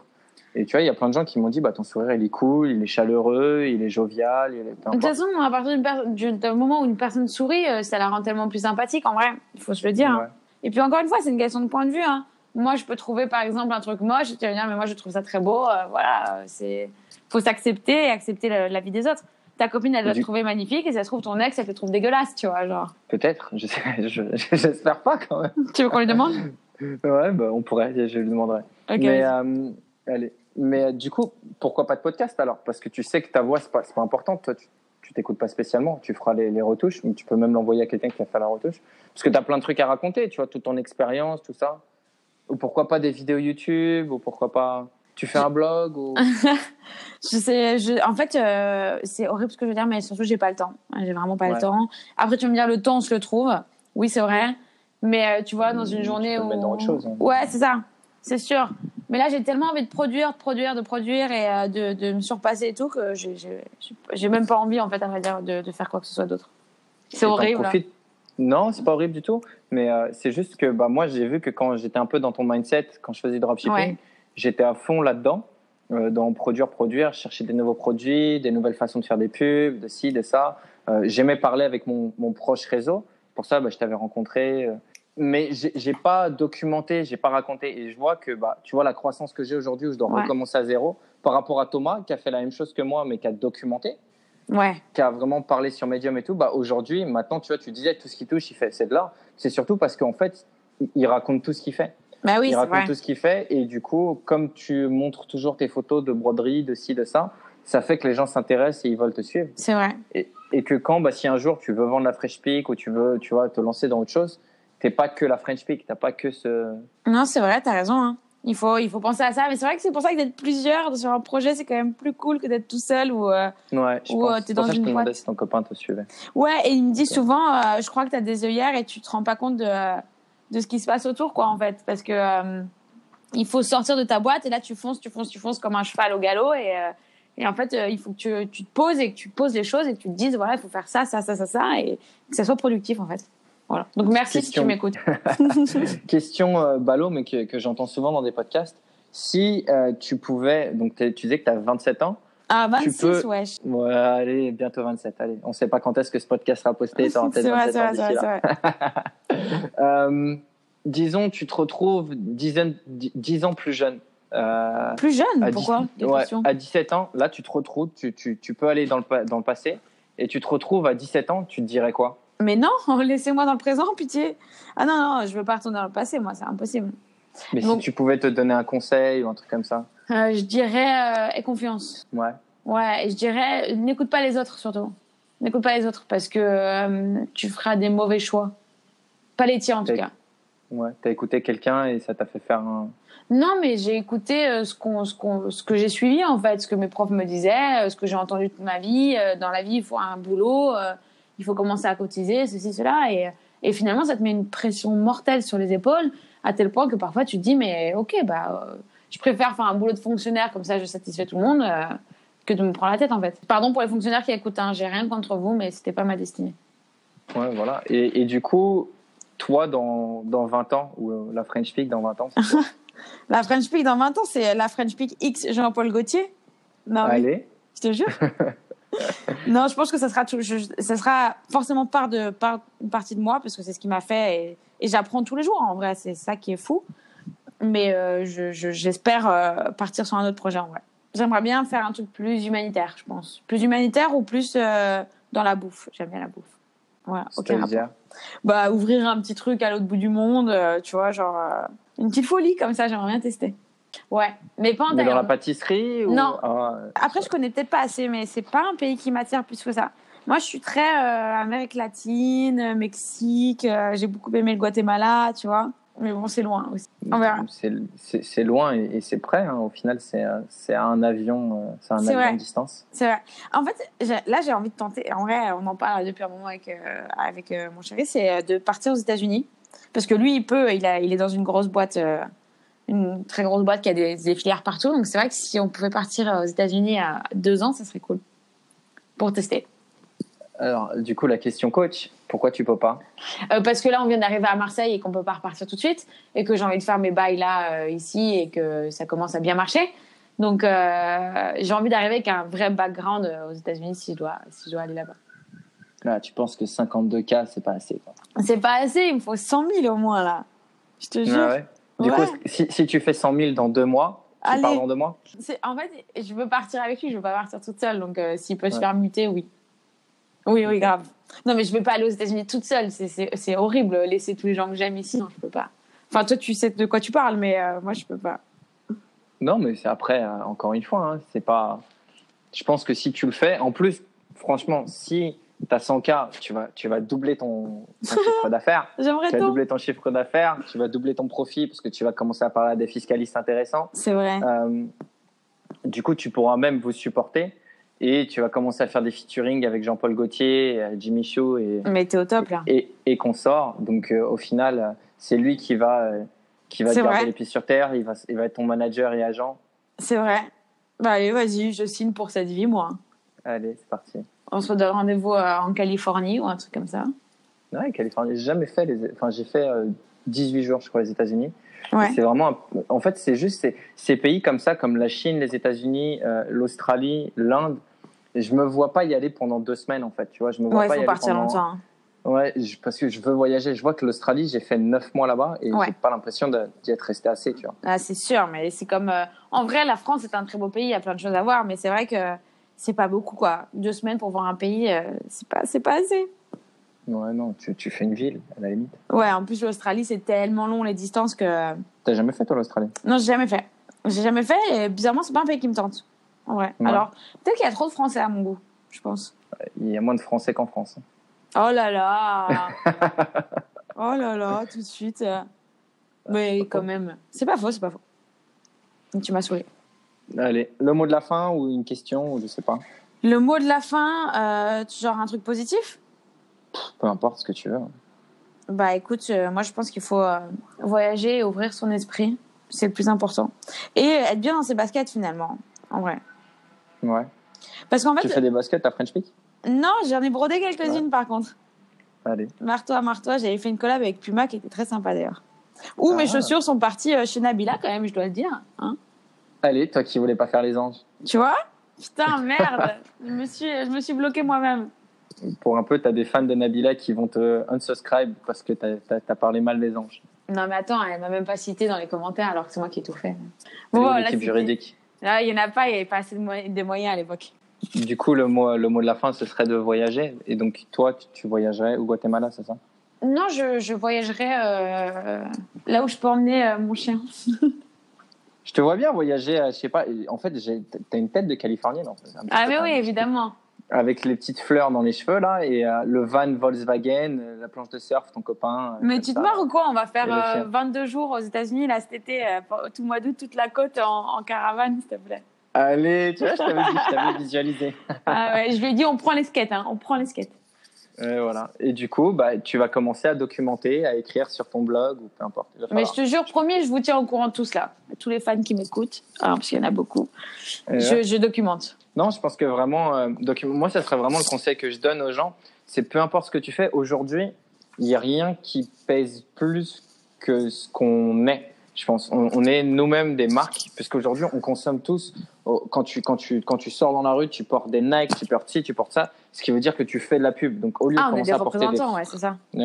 Du coup, pourquoi tu serais pas le représentant de ta propre histoire, de ta propre vie, de ton. Il y a, il y a ce truc et les gens le prennent assez mal, mais on veut tous être original, euh, on veut tous être euh, différents et, et au final, dans ce sens-là, on est tous identiques C'est vrai, parce que on est tous différents. Donc, si tout le monde est différent, on est tous pareils. c'est vrai. Et donc, si on est tous pareils, à un moment ou à un autre, il y a quelqu'un qui va vouloir faire la même chose que toi quelque part dans le monde. Il y a quelqu'un qui va avoir les mêmes euh, goûts que toi. Et il suffit qu'il n'y en ait que 100 ou 1000. Et s'il y a 1000 personnes qui aiment la même chose que toi, mais que tu es la seule à expliquer ces choses-là, à l'écrire, à les retranscrire, à les. Tu vois, peut-être que dans la, dans, dans la broderie aujourd'hui, vous n'êtes pas des millions. Mais au final, si tu n'y avais pas cru, parce que je sais pas, on a peut-être dit que c'est des trucs de grand-mère ou des trucs de vieux, mais tu y as cru. Et au final, bah, il y a plein d'autres gens qui ont cru en toi et qui ont acheté tes produits et qui ont kiffé. Mais si tu n'avais pas cru en toi et que t'avais pas, tu t'étais pas mis dehors comme ça, que tu t'es pas mis en avant, bah, ça aurait pas marché. Je pense que le fait de se mettre en avant, c'est ce qui va faire que dans, dans l'avenir, tu auras plus de, de pouvoir, tu auras plus de. C'est vrai. Aujourd'hui, euh, avec, avec Insta, Facebook, euh, Snapchat, je sais pas si on peut dire ça, mais même les podcasts, maintenant, je vois que les podcasts, euh, les gens ils font des podcasts et voilà, et ça cartonne. Euh, YouTube. Et, et si tu racontes juste ta vie et que tu as 1000, 1000 followers, tu, vois, tu, tu disais tout à l'heure 52 000, c'est pas beaucoup. Mais si tu en as 1000 et que ces 1000 là, ils sont prêts à te suivre jusqu'au bout du monde, C'est vrai. au bout du, du monde, un, un billet d'avion au bout du monde, c'est quoi? C'est 1500 euros, 2000 euros? Ouais, bah, 2000 euros fois 1000 personnes, bah, tu fais vite le calcul. c'est vrai. C'est vrai. Ok, tu m'as eu, c'est bon. Je suis convaincue. Merci, coach. Je te recommanderai. Allez, super. Bon, du coup, euh, je veux qu'on se tienne au courant pour le featuring avec Jean-Paul Gaultier. Promis, je te tiens au courant. En fait, à la fin, je dis je raccroche. Ah, mais on n'a pas dit je raccroche. Attends, on le refait. Hein ouais. euh, ah là, tu te sens tu- coincé. Hein. ouais, bah, tu peux le dire toi, du coup. Ah ok, je dis je raccroche. Bah, vas-y, raccroche si tu veux raccrocher. Bah je raccroche alors. Allez, vas-y, raccroche. Je meurs. Et du coup, après ça, il y a le bip, bip.